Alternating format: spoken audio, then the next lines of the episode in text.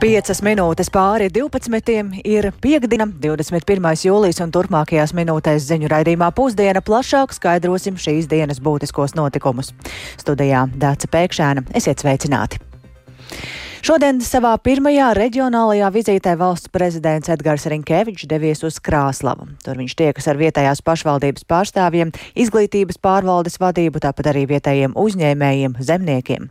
Rinkevičam arī plānots apmeklēt vietējo vēstures un mākslas muzeju, savukārt pēcpusdienā tikties arī ar iedzīvotājiem. Prezidenta vizītē Krāslavā līdz seko arī kolēģe Laura Ieviņa, kas šobrīd atrodas Krāslavā un ir šobrīd arī pie mums pie telefona klausulas. Sveika, Laura! Jā, labdien, Dace! Jā, tiešām esmu pie Krāslavas pils parkā. Un man jāsaka, ka tas, ko es no rīta novēroju, vēl pirms prezidents bija atbraucis uz pilsētu, tad te valdīja tāda ikdieniš, ikdienišķa gaisotne. Un pie novada pašvaldības sēkas, kur bija plānota prezidenta pirmā piestāšanās vieta, tad Tur pulcējās tikai mēdīju pārstāvji. Vēl īsi pirms prezidenta atbraukšanas sētniece steidza pabeigt pēdējos uzkopšanas darbus, un pie pašvaldības dežūrēja arī pašvaldības policija. Un es novēroju, ka kāds policijas pārstāvis piegāja pie ielas pretējā pusē um, stāvoša, ierēbuša vīrieša un aicināja viņu iet laiku pavadīt kaut kur citur. Uh, jā, un jāsaka, ka manis uzrunātie Krāslavas iedzīvotāji lielākā daļa bija dzirdējuši par prezidenta Edgara Rinkēviča vizīti pilsētā, un mēs tagad varam paklausīties, ko viņi man teica. Vai jūs esat dzirdējis, ka šodien valsts prezidents ierodas Krāslavā? Jā, zinu. Es nezinu, vai senāk satiks, bet tas ir ļoti pārsteidzoši, ka pirmā vizīte tieši Krāslavā tieši dzirdēju no radio šo informāciju. Vai ir kas tāds, ko gribētu sagaidīt no jaunā prezidenta? Gribu, lai viņš arī atcerētos par mums, par tāpat vietējiem latgaliešiem. Protams, tā ir liela cieņa, gods, ka viņš ierodas pie mums Krāslava. Es nezinu, varbūt personīgi sanāk satikt, paspiest roku. Esat dzirdējusi, ka šodien valsts prezidents ierodas Krāslavā? Esmu gan dzirdējusi. Es par to esmu ļoti priecīga, ļoti pateicīga kā šīs pilsētas iedzīvotāja par to, ka atbrauks viņš, ka uz Latgali, ka neaizmirst mūs. Vai ir kas tāds, ko gribētu sagaidīt no prezidenta? Es gribētu parunāt par pabalstiem, lai būtu invalīdiem lielāki pabalsti, jo man ir dēls invalīds, un tiešām tie pabalsti ir tik maziņi, un arī pensijas pacelt. Nu, tas ir ļoti labi, protams, ka viņš atbrauks, paskatīsies, kā tie latgalieši dzīvo. Nu, varbūt kaut kas mainīsies ar šito prezidentu. Ko gribētu no viņa sagaidīt? Lai draudzīgāka vide būtu te. Tomēr krievi, lai draudzējās ar latviešiem un krievus nenoniecinātu tā ļoti. Vai prezidents to var ietekmēt? Jā. Es domāju, ka jā. Prieks, ka apmeklēs mūsu pilsētu, smuko sakopto. Varbūt ir kaut kādi plāni nākotnē, kā attīstīt vairāk mūsu reģionu, jo cik daudzi brauc prom tieši darba vietu trūkuma dēļ. Varbūt kaut kā tieši šajā jomā ir kaut kādi plāni. Nu, pareizi jauns prezidents ir jāiepazīstinās ar savu valsti, ar, ar cilvēku problēmām. Varbūt uz labāko pusi kaut kas mainīsies mūsu latgalē. Jā, pirmā prezidenta tikšanās bija ar Krāslavas novada domes priekšsēdētāju Gunāru Upenieku. Viņam vaicājot, ko, ko tad sagaida no šī, šīs prezidenta vizītes, tad, tad viņš man atbildēja, ka uh, viņš plāno parādīt ne, tik, ne tikai to, cik skaista ir Krāslavas pilsēta, bet viņš grib arī pieskarties problēmām, uh, akcentēt šo drošības jautājumu, jo Krāslava atrodas Baltkrievijas pierobežā, tāpat arī izglītības, ekonomikas problēmas, un viņš sagaida, ka uh, prezidents pievērsīs arī ministru uzmanību ši, šiem jautājumiem. Un man sanāca uzrunāt arī pašu prezidentu un uh, vaicāju viņam uh, par šīs vizītes mērķiem un varam paklausīties, ko viņš man atbildēja. Mazliet simboliski es dodos pirmajā vizītē uz Latviju, uz Krasnodaru. Divu iemeslu dēļ. Pirmais ir, es tomēr gribu izcelt Latvijas īpašo nozīmi. Krasnodara ir savā ziņā kaut kur pat es teiktu, tāda zināmā Latvijas sirds, un otra lieta - Krasnodara svin arī simtgadu jubileju. Tas arī drusku tādā veidā apliecinātu tādu savu cieņu un, un atbalstu novadam. Mēs jau tikko sākām tādu neformālu sarunu ar novadu vadību gan par darba roku jautājumu, gan par ekonomisko attīstību, gan par jā, zināmām konkrētām problēmām izglītības jomā. Prezidents var pamudināt, prezidents var aktualizēt un prezidents var atgādināt. Jā, Edgars Rinkevičs jau šobrīd ir apmeklējis uh, vēstures un mākslas muzeju, un pašlaik viņš tiekas ar Krāslavas novadu uzņēmējiem, zemniekiem un izglītības no, nozares darbiniekiem. Un tas, ko es pagūvu dzirdēt, tad uzņēmēji vēršas pie prezidenta ar konkrētām problēmām un ar aicinājumu tās aktualizēt valdības līmenī. Tā, piemēram, kāds uzņēmējs no Francijas, kas dibinājis uzņēmumu Dagdā, viņš teica, ka Latvijas bankas ir atteikušas viņam uh, kredītu, un tas galvenais iemesls esot bijis tāpēc, ka uh, uzņēmums atrodas Latgalē. Un uh, Latgales plānošanas reģiona pārstāve apstiprināja, ka tā tiešām esot problēma, ka uzņēmumiem Latgalē savu projektu realizācijai esot ļoti grūti dabūt uh, kredītu. Un, uh, tas, ko prezidents solīja, ka viņš turpinās aktualizēt šo jautājumu, tiekoties gan ar uh, finanšu ministru, gan ar Latvijas bankas uh, prezidentu, gan arī ar nozares pārstāvjiem pārstāvjiem un aicinās viņus pārskatīt šo savu kreditēšanas politiku. Eh, tāpat jāpiezīmē, ka vakarā prezidents tiekas arī ar Krāslavas novada iedzīvotājiem. Uh, un tas, ko es uzzināju, ka viņš savas prezidentūras laikā plāno apmeklēt visus Latvijas novadus. Un, uh, drīzumā viņam iecerēta arī atsevišķa vizīte uz austrumu pierobežu. Dace? Paldies Laurai Ieviņai, ar kuru runājām par valsts prezidenta Edgara Rinkēviča pirmo reģionālo vizīti, un tā notiek Krāslavā. Un kā arī dzirdējām, tad iedzīvotājiem arī ir savas gaidas no šīs vizītes, un tad plašāku reportāžu noteikti klausieties arī raidījumā pēcpusdiena. Par citiem notikumiem Krievijas prezidents Vladimirs Putins cenšas iegūt laiku, lai izdomātu, kā atriepties algotņu grupējumu Wagner dibinātājam Jevgeņiem Prigožinam par jūnijā sarīkoto militāro dumpi. Tā uzskata ASV centrālās izlūkošanas pārvaldes direktors Viljams Bērns, piebilstot, ka dumpis izgaismoja vājākās vietas Putina varas sistēmā.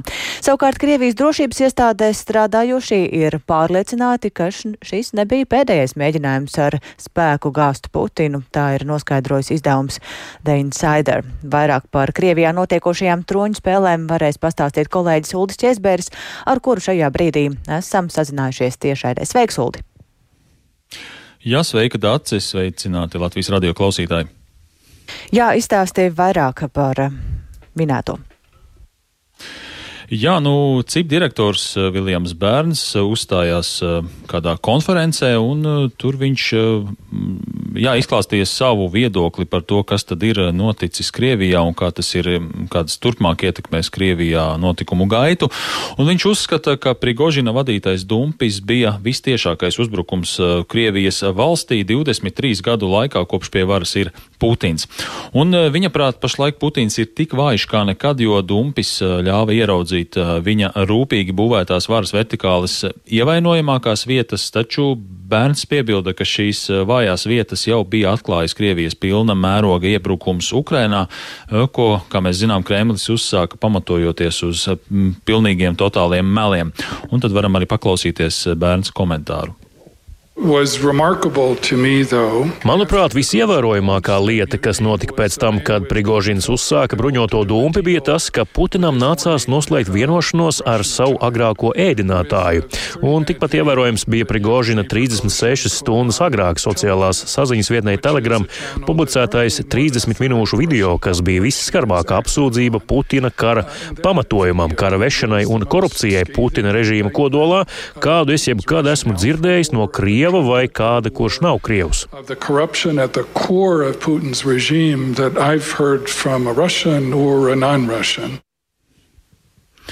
Jā, un centrālās izlūkošanas pārvaldes direktors arī norādīja, ka Krievijas elitē un sabiedrībā kopumā ir vērojama liela neapmierinātība, tāpēc uh, Krievijas neveiksmes karā Ukrainā var atsaukties arī Krievijas iekšēnē, un arī varam paklausīties vēl vienu viņa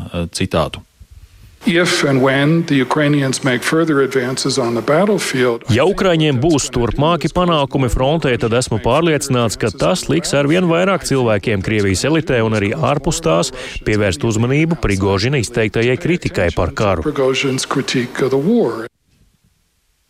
Jā, un pēc vienošanās noslēgšanas ar Kremli Prigožins ar saviem uh, algotņiem ir devies uz uh, Baltkrieviju. Un uh, Viljams Bērns domā, ka Kremlis Wagneru joprojām uzlūko kā vērtīgu instrumentu, lai īstenot savus militārās un ekonomiskās intereses galvenokārt Āfrikā. Taču centrālās izlūkošanas pārvaldes direktors ir pārliecināts, ka nu, Putins visticamāk mēģinās tikt vaļā no Prigožina, un tad varam paklausīties viņa viedokli, kā tas varētu notikt.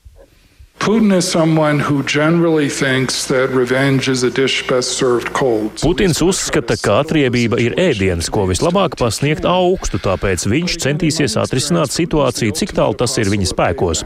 Mana pieredze liecina, ka Putins ir vislielākais atriebības piekritējs, tāpēc es būtu pārsteigts, ja Prigožins izvairītos no turpmākas atriebības. Ja es būtu Prigožins, tad es neatlaistu savu degustētāju. Nu jā, šādi bērns norādīja, ka iespējams Prigožinu uh, varētu piemeklēt tāds pats liktenis kā daudzus citus uh, Putinā ienaidniekus, kuri ir saņēmuši uh, ļoti, ļoti spēcīgu indes devu.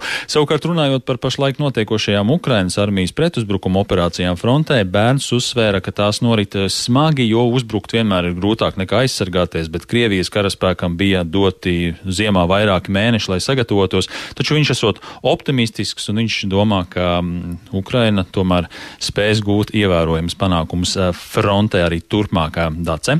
Jā, Uldī, izdevums eh, The Insider nācis klajā ar publikāciju, kurā ir apgalvots, ka Krievijas drošības aparātā strādājošajiem Prigožina militārais dumpis nebija pārsteigums. Vari vairāk izstāstīt par to, kas ir teikt šajā rakstā? Jā, šīs publikācijas autori, kur vidū ir arī pazīstamais pētnieciskais žurnālists Hristo Grozevs, ir sazinājušies ar eh, Krievijas federālā drošības dienesta, militāro izlūku dienestu un arī iekšlietu ministrijas augsta ranga darbiniekiem, eh, kuri pastāstīja, ka Prigožina vadītie kaujinieki dumpja laikā Kā mēs atceramies, viņi varēja diezgan mm, bez lielas pretestības ieņemt nozīmīgus militāros komandu centrus un arī netraucēti nonākt tikai dažu simtu kilometru attālumā no Maskavas. Un viņi apgalvo šie avoti, ka Prigožinam tas izdevās, jo viņam bija drošības struktūrās daudz atbalstītāju. Un atsevišķas intervētās personas pat šajās te dumpja dienās esot bijušas pārliecināts, ka Prigožins tiks līdz Maskavai un arī pārņems varu varu, taču jā, viņiem par Daudziem pat par nepatīkamu pārsteigumu tas nav noticis, un tāpēc arī daudziem drošībniekiem tas mm, ir šāda pārliecība, ka mm, ir tāds secinājums, viņi izdara šādu secinājumu, ka arī turpmāk Putinam var nākties rēķināties ar eh, mēģinājumiem viņu gāzt, jo Prigožins ar savu Wagner grupējumu ir apliecinājis, ka tas eh, nav neiespējami. Tā kā to arī daudzi analītiķi prognozē, ka Krievijā ir gaidāmi tuvākajos gados ļoti, ļoti eh, haotisks laiks un varbūt dažādi izaicinājumi Putina režīmam. Paldies Uldim Česberim par šo skaidrojumu un turpinot tēmatu, tad arī Latvijas ārpolitikas institūta direktors Eiropas studiju fakultātes docents Kārlis Bukovskis šorīt kolēģim Laurim Zvejniekam raidījumā labrīt vērtēja, ka Krievijas iekšienē pašlaik notiek Putina īstenotas tīrīšanas. Prigožina dumpja sacātais haoss Putinam ir ļāvis saskatīt, kuri kadri valsts vadībā ir lieki. Notikušais gan vairāk ir bijis stresa tests, taču viņa skatījumā lielu nestabilitāti Maskavā neradot. Paklausīsimies fragmentu no Bukovskis. Popovska teiktā.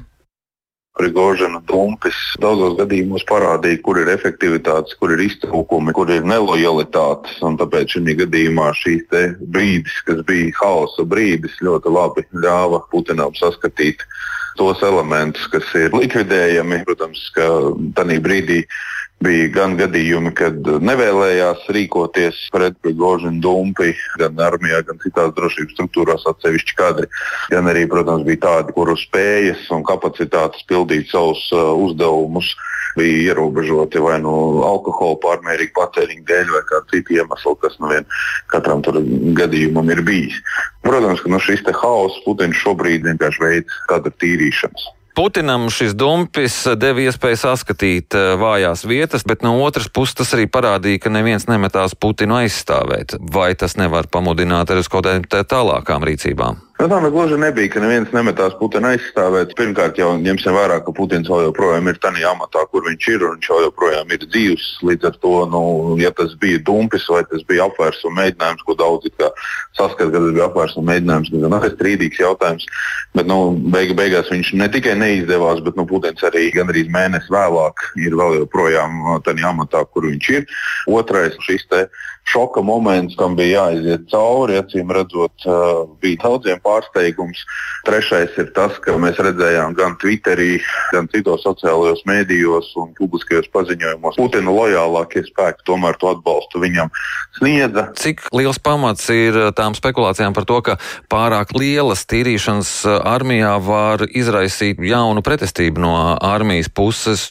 Te ir divi elementi. Viens ir, ja sodīts tiek tie, kuri tiek uzskatīti par prasmīgiem vadītājiem armijas iekšienē, tad šajā gadījumā, protams, šis varētu potenciāli izraisīt kādu pretreakciju. Bet nu, šobrīd jau noteikti, iekšējie drošības spēki jau būtu daudz gatavāki šādiem potenciāliem scenārijiem un vēros uzmanīgāk.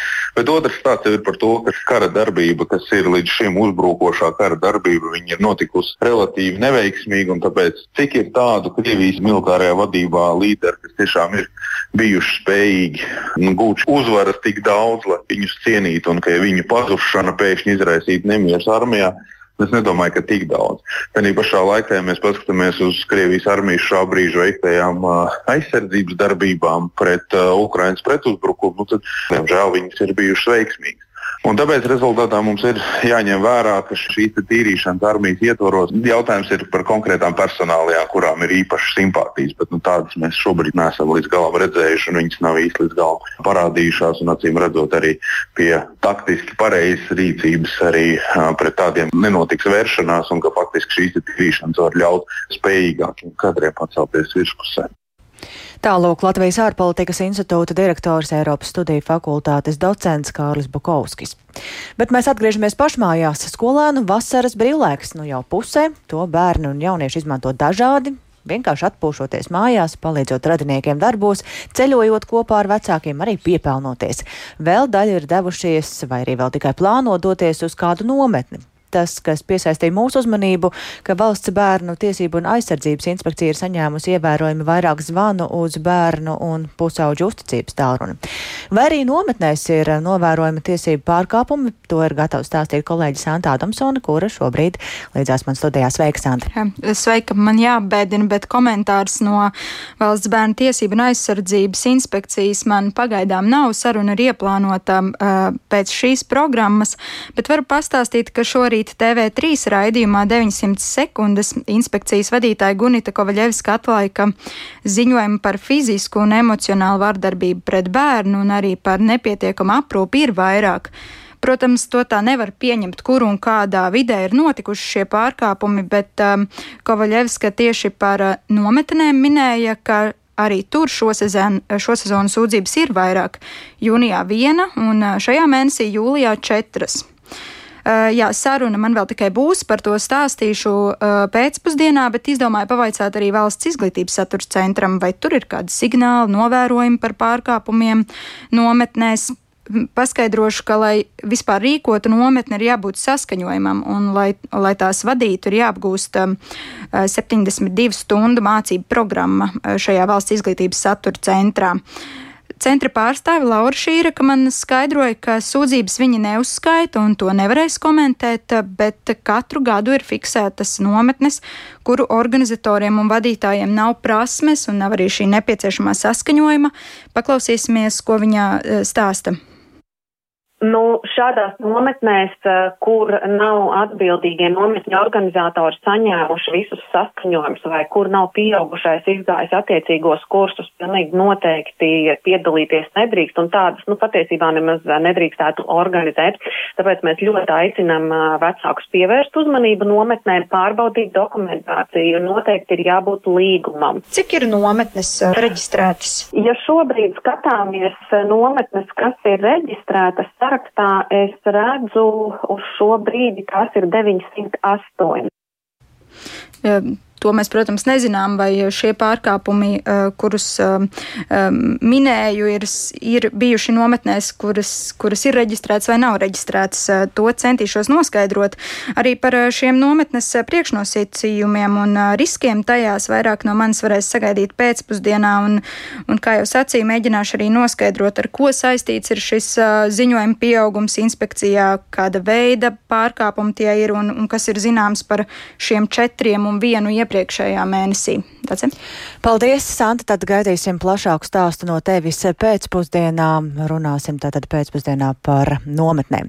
Bet šodien mums arī vajadzētu uzzināt Aspazīs pieminekļa metu konkursu uzvarētājiem. Žūrijas komisija ir pabeigusi darbu, vērtējot pretendentu pieteikumus. Metu konkursu izsludināja februārī, lai izraudzītos nevien vislabāko risinājumu izcilās latviešu rakstnieces monumentam, bet arī tā atrašanās vietas teātra laukuma Rīgā labi iekārtošanai, lai šī vieta būtu ērta un patīkama gan kājām gājējiem, arī gan tiem, kuri vēlētos uh, tur piestāt un atvilkt elpu. Uzzināt žūrijas komisijas lēmumu bija devusies kolēģe Zāne Ēniņa. Šobrīd jau viņa ir atgriezusies pie mums, ir studijā. Sveika, Zāne, saki, tad vai, kāds ir žūrijas uh, lēmums, ko žūrija ir izvēlējusies un cik vispār pavisam bija pieteikumu? Labdien! Diemžēl šodien neuzzināsim, kā nākotnē izskatīsies eh, teātra laukumā, jo kaut gan pavisam bija septiņi pieteikumi, konkurss ir beidzies bez uzvarētāja. Un par iemesliem, kāpēc tā noticis, stāsta žūrijas komisijas vadītāja Rīgas pilsētas galvenā dizainere Evelīna Ozola. Žūrijā izskatot visus darbus un par tiem ilgstoši diskutējot, secināja, ka neviens no darbiem nav īstenojams tādā veidā, kā tas tiek piedāvāts, ka būtu nepieciešams izmaiņas, kas ir uh, normāli. Konkursu darbiem bieži vien ir izmaiņas procesā rodas, bet uh, Šajā gadījumā sanāca tā, ka tās nepieciešamās izmaiņas būtu tik apjomīgas, tik būtiskas, ka tās tiešām būtiski maina autoru piedāvātās koncepcijas. Tā skaidroja žūrijas komisijas vadītāja Evelīna Ozola, bet tas vēl nav viss. Konkursā pieteiktos darbus vērtēja anonīmi. Tika piešķirta otrā un trešā vieta un arī veicināšanas balva, bet atverot aploksnes ar autoru vārdiem, izrādījās, ka otrās vietas ieguvēja darba uh, autors nav zināms. Vārds vai uzvārds vai autora kopums nebija norādīts, tikai ierakstīts ēpasts, pa kuru jāsazinās, ja žūrija šo darbu atzīst par pietiekami kvalitatīvu, un klāt arī daži nesalasāmi paraksti. Tā nu šī darba autori godalgu 4000 eiro nesaņems, jo nav zināms, kas ir šie cilvēki. Trešā vieta piešķirta metam ar devīzi Mīla Kaisle drosme. Autori ir arhitektu birojas eh, Sampling, bet veicināšanas balvu saņems mets ar devīzi Uzziedēja. Autori ir Ainavu arhitektūras darbnīca Alps. Nu, tāda diezgan netipiska situācija, bet kas notiek tālāk? Tad nevar īstenot, piemēram, trešās vietas ieguvēja ideju. Nevar, jo, kā, kā jau skaidroja Evelīna Ozola, darbos būtu nepieciešams tik lielas izmaiņas, tik liela pārveide, ka no sākotnējā koncepta tur maz kas paliktu pāri. Un pagaidām nav zināms, ko darīs tālāk. Varbūt izsludinās jaunu konkursu, bet izskatījās, ka pati žūrijas komisija ir tāda apjukusi pēc šāda iznākuma. Es vēl atgādināšu, ka vieta, kur paredzēts novietot Aspazīs pieminekli, atrodas iepratī grāmatnīcai Valters un Rapa. Otrā pusē ir ieeja viesnīcā, bet iepratī pāri Aspazīs bulvārim ir Nacionālās operas un baleta ēka. Pašlaik šajā laukumā ir salikti sēžamie un novietoti puķpoda augiem, tur ir izveidots tāds kā improvizēts pagaidu skvērs. Bet vieta ir sarežģīta, jo atrodas vecrīgā, tā ir arī samērā neliela, tā atzina žūrijas pārstāve, Un uz, uzdevums izrādījies ļoti sarežģīts, taču, uh, jāteic, arī žūrijā esot bijuši ļoti atšķirīgi viedokļi par iesniegtajiem darbiem. Vēl atgādināšu, ka mm, kopējais balvu fonds bija 14,000 eiro, bet paredzamā līguma cena būvprojekta izstrādē būtu līdz 60,000 eiro bez PVN. Paldies Sezanai Eniņai, tātad konkurss ir noslēdzies, bet vai un kad mēs varēsim redzēt teātra laukumā atpazīs pieminekli īsti nav šobrīd zināms. Un ar to tad arī izskan raidījums pusdiena. Producente Ilze Aginta, ierakstus montēja Uldis Grīnbergs, par labskaņu ropējās Katrīna Bramberga un ar jums sarunājās Dāca Pēkšēna. Vēl īsi par uh, būtiskāko ar viesošanos Krāslavā Edgars Rinkēvičs ir sācis vizītes Latvijas reģionos. Prigožina Dunpis izgaismoja Putina varas sistēmas vājās vietas, tāpēc Krievijas diktators atriepsies Vagneriešu vadītājiem, tā uzskatā ASV centrālās izlūkošanas pārvaldē, un žūrijas komisija izvēlas atpazīs pieminekļa veidotājs, konkurss noslēdzies bez rezultāta. Radījums pusdiena klausāms arī sevērtā laikā Latvijas radio mobilajā lietotnē, tāpat arī meklējamas mūsu ziņas sabiedrisko mediju ziņu portālā LSMLV.